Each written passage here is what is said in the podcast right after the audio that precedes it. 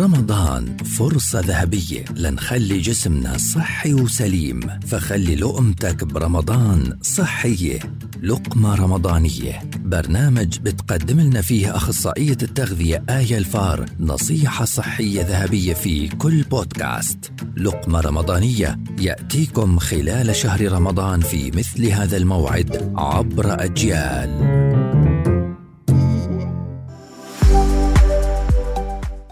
كيف ممكن للطفل إنه يصوم شهر رمضان بطريقة صحية ويحافظ على مستوى نموه ونشاطه.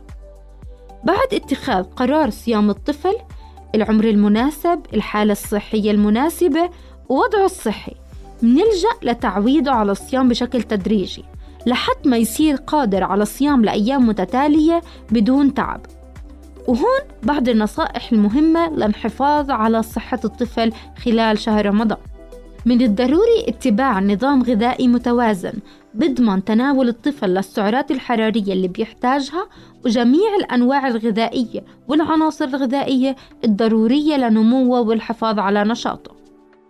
كمان التركيز على تناول وجبة السحور وياخد فيها الطفل كفايته من الطعام والأفضل نأخرها قد ما بنقدر لحتى نعطي الطفل الطاقة اللازمة لمساعدته على تحمل الصيام. عدم التأخير في وجبة الإفطار ويتناول الطفل طعامه بشكل تدريجي وتكون الوجبة متوازنة ومتنوعة. وضروري نذكر الطفل بشرب كمية كافية من السوائل الصحية بعد ساعات الصيام لنمنع الجفاف الإمساك أو الالتهابات البولية وغيرها.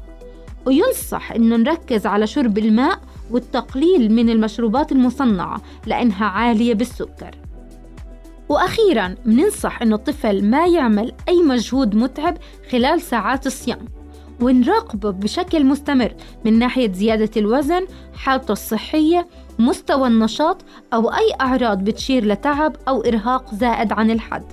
كنت معكم أخصائية التغذية آية الفار ضمن برنامج لقمة رمضانية.